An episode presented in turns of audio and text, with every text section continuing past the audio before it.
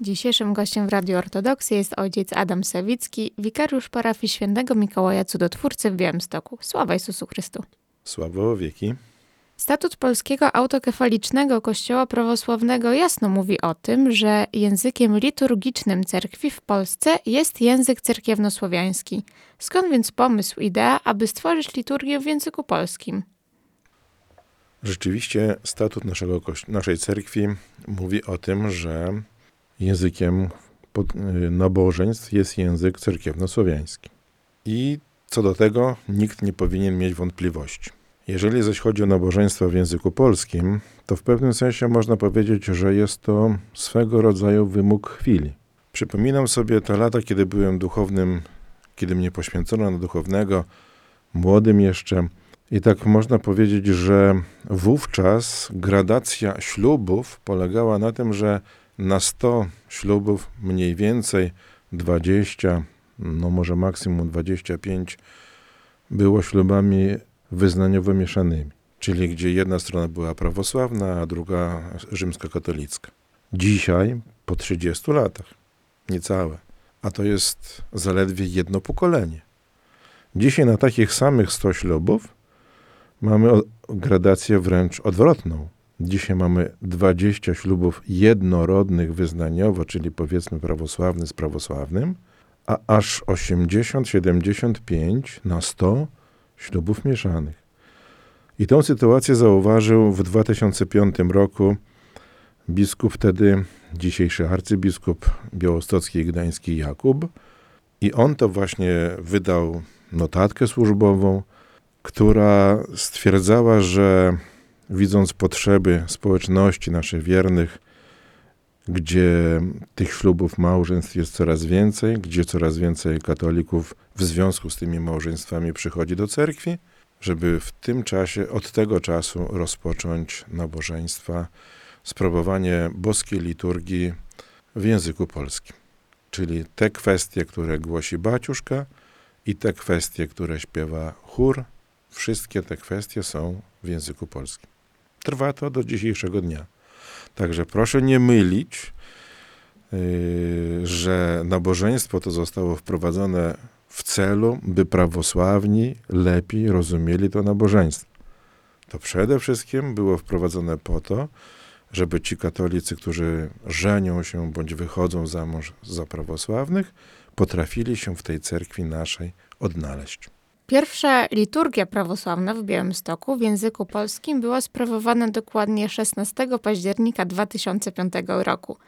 Czy da się zauważyć zmianę liczby wiernych, którzy przychodzili na tą liturgię? Czy jest ich mniej, czy może więcej? Czy są to stałe takie osoby, które przychodzą regularnie, czy może jednak jedni przychodzą, drudzy odchodzą? No to jest dość długi czas, od 2005 do dzisiejszego 2022 roku. Myślę, że hmm, gdybyśmy tak zrobili przegląd, to pierwsza, pierwsze liturgie, czyli można powiedzieć końcówka roku 2005, należała do widzów, bo nie do modlących się, czyli do parafian naszych, którzy przychodzili, by zobaczyć, jak to nabożeństwo wygląda, Część się z nich zraziła do niego, mówiąc, że jest to liturgia po, po polsku dla katolików, ale część, nawet tego starszego pokolenia, zaakceptowała to. I muszę powiedzieć, że dzisiaj jest już taka stała grupa, stała liczba osób, którzy w niedzielę są na tym nabożeństwie i modlą się na nim. Myślę też, że mm, część z tych osób, a szczególnie ta młodsza, która nie zetknęła się w szkole z językiem rosyjskim, a zetknęła się w szkołach z językiem angielskim, to był ten obcy język, którego tam nauczano, a spotkała się na nabożeństwie, była przyprowadzona przez swoich rodziców e, na nabożeństwie w języku polskim, ich to już nie razi. I im się wydaje, że tak po prostu w cerkwi zawsze było. Zwolenników i przeciwników wprowadzenia tego języka polskiego do liturgii jest najpewniej podobna ilość. Jak myślicie, ojcze, czym ukierunkowana może być każda ze stron? Czy jednym chodzi tylko o nierozumienie języka cerkiewnosłowiańskiego, a drugim o zachowanie tradycji, czy może jest jeszcze jakiś inny wskaźnik, którym się kierują? No cóż, jeżeli chodziłoby tylko o rozumienie, to ta liturgia powinna pękać w szwach. No bo wszyscy powinni przyjść na to nabożeństwo, żeby zrozumieć, co na tym nabożeństwie się dzieje. Muszę powiedzieć, że nasza dolna świątynia świętego Serafima spokojnie mieści tych ludzi, którzy przychodzą na to nabożeństwo, a to oznacza, że chyba nie o rozumienie chodziło tutaj.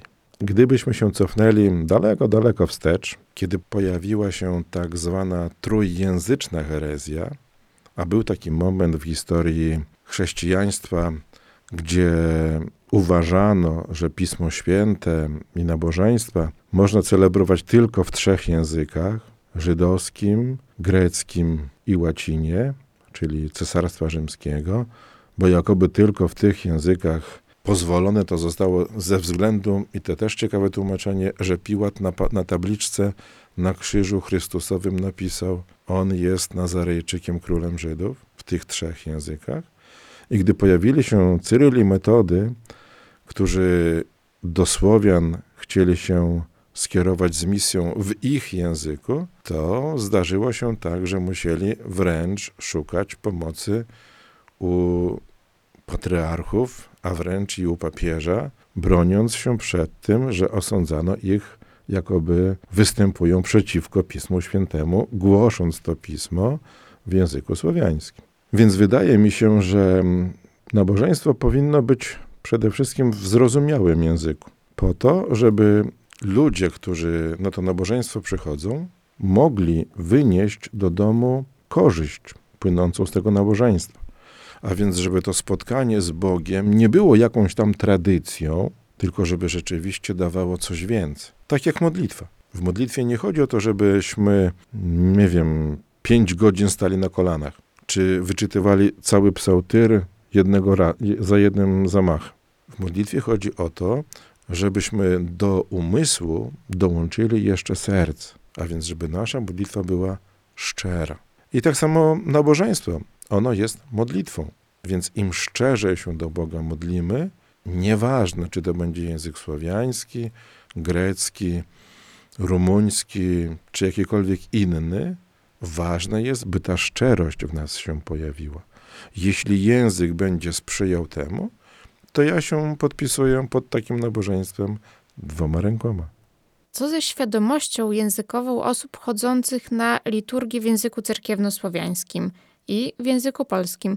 Czy macie wrażenie, że osoby uczestniczące w liturgii w języku polskim mają większą świadomość tego, za co się modlą i o co w danym momencie liturgii chodzi? Pytam o to, gdyż często sama zauważam na liturgii w języku cerkiewnosłowiańskim, jak wiele osób skłania głowę na wezwanie ogłaszeni głowy wasza pokłonicie. W języku wynika... polskim, kiedy jest katechumenie głowy wasze skłońcie przed Panem, oni też skłaniają głowy.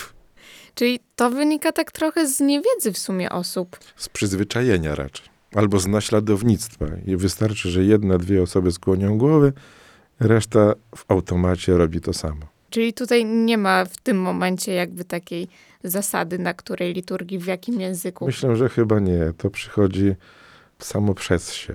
Wydaje mi się, że wydaje mi się, że dzisiaj, szczególnie teraz, kiedy wszystkie przedmioty w szkołach są w języku polskim, a języki obce to albo angielski, albo niemiecki, no ja pamiętam te czasy, kiedy ja byłem w szkole podstawowej. Jedynie słusznym obcym językiem, którego uczono wówczas w szkole, był język rosyjski. I to pokolenie, które wyszło ze szkoły z językiem rosyjskim, ono łatwiej mogło zrozumieć język słowiański, bo język rosyjski wyrósł na bazie języka słowiańskiego.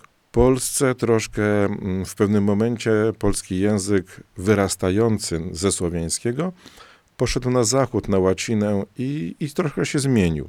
Więc to pokolenie, raz jeszcze wracając, ono mogło, nie rozumiejąc, więcej, że tak powiem, zrozumieć. Dzisiejsze pokolenie młodych ludzi, no ono nie zna rosyjskiego, bo po prostu tego języka się w szkole nie wykłada. Nie znając tego języka, ono raz, że traktuje język cerkiewno-słowiański jako język rosyjski, co dzisiaj szczególnie przy tej agresji Rosji na Ukrainę, nie bardzo jest politycznie mile widziane, a dwa, no oni nie mogą, te, te, te młode pokolenie nie może mieć tego, co myśmy mieli. Czy to źle? Trudno mi powiedzieć. Na pewno im jest trudniej. I wprowadzenie języka polskiego do nabożeństwa wydaje mi się, że sprzyja temu, by to rozumienie było jednak troszkę większe. A jeszcze chciałabym się trochę odwołać do historii, mianowicie pierwsze próby dokonania przekładu tekstów liturgicznych na język polski podjęto już w XVIII wieku. Ale wszystko w historii chyba nie układało się na tyle pomyślnie, by ta pierwsza próba była udana. No, wziąć trzeba pod uwagę to, że w XVIII wieku, w końcówce XVIII wieku Polska przestała istnieć na mapach Europy a więc y, znalazła się pod zaborami. I wydaje mi się, że zaborcy nie chcieli, by język polski trwał w tym narodzie, co pokazują nam przykłady z Wielkopolski i co pokazują nam przykłady z zaboru rosyjskiego. Więc y, z tego myślę powodu ten język nie wszedł do nabożeństwa. Ja bym chciał zwrócić uwagę może na bliższe nam pierwsze spotkanie cerkwi z językiem rosyjskim, z językiem polskim. To, jest, to są lata międzywojenne.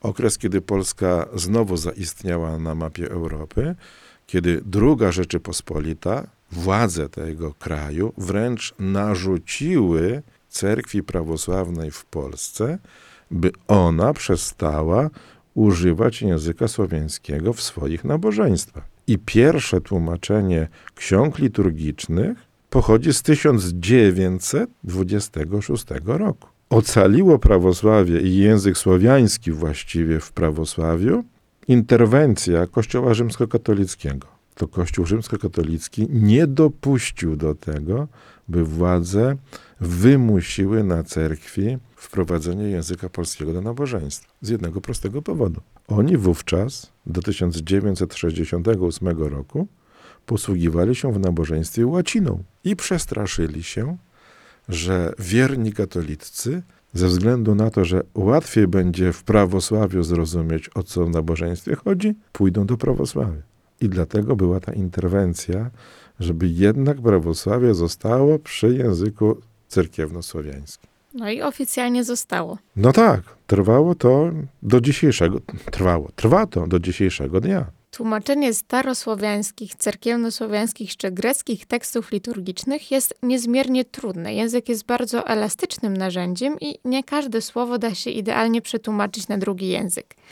Pozwolę tutaj sobie zacytować słowa ojca Henryka Pobrockiego, który pisze – Niektóre kalki językowe, jak hieromnichów z greckiego hieromonachos starocerkiewnosłowiańskie hieromonachów, czy kapłanów zakonnych, bądź mirofory, greckie miroforos, starocerkiewnosłowiańskie mironosice, kobiety niosące wonności, są po prostu niezrozumiałe i wymagają wprowadzenia opisowego słownictwa polskiego – często występujący w liturgii zwrot filantropos, starocerkiewnosłowiański czołowiekolubiec, jest potocznie rozumiany jako miłujący człowieka, podczas gdy chodzi tutaj o przyjaciela człowieka.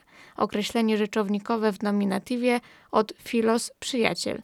Czy w obecnym tłumaczeniu świętej liturgii jest dużo właśnie takich słów, wyrażeń, gdzie wprowadzone zostało opisowe słownictwo polskie? Nie prowadziłem tłumaczenia, więc nie, nie, będę się mógł wypowiedzieć w tym temacie. Znaczy ja powiem tak, rzeczywiście, e, jeżeli chodzi o język cerkiewno-słowiański i język polski, nie da się, czasami nie da się y, zamienić jednego słowa bez, na tłumaczenie nieopisowe. To dotyczy na przykład prepodobnej. Używa się święty mnich. Albo jurodziwy, czyli głupiec ze względu na imię Chrystusa. Tak trochę ciekawie to brzmi prawda?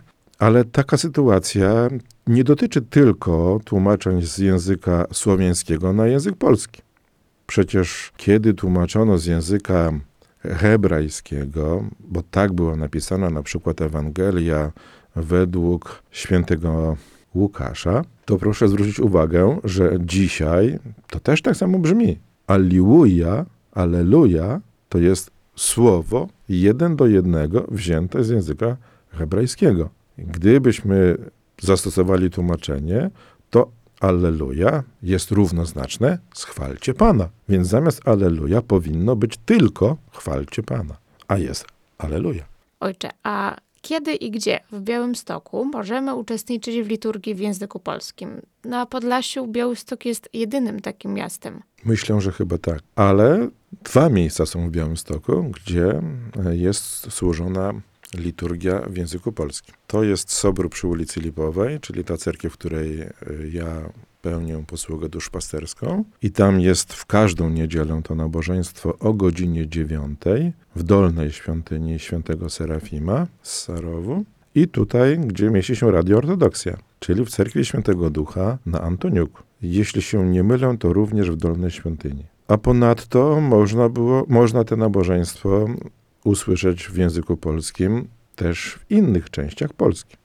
I w Warszawie, i we Wrocławiu, Wrocław był chyba tym takim pierwszym miastem ogólnie. A, i w Szczecinie. Jeśli chodzi o Warszawę i Szczecin czy Wrocław, to rzeczywiście diaspora, jeśli tak to można powiedzieć, prawosławna jest tam po prostu mniejsza. We Wrocławiu czy w Szczecinie to są ziemie, które mm, dość stosunkowo późno trafiły do Polski a skutkiem tego tam się rozwijała inna religia, inne nabożeństwa niżeli słowiańskie prawosławne.